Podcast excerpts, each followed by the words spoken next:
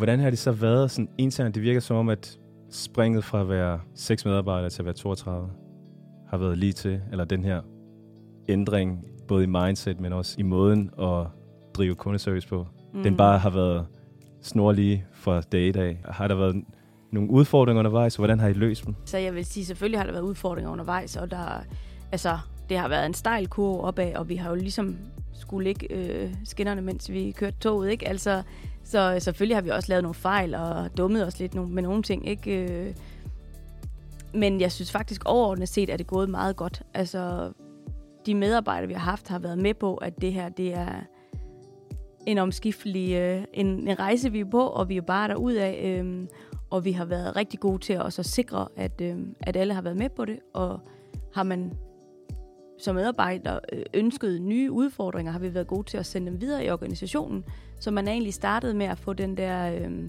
grundfornemmelse både af forretningen og for kunderne og systemerne ned hos os i kundeservice, og så er man ligesom vokset ud af det og kommet videre i, i andre afdelinger.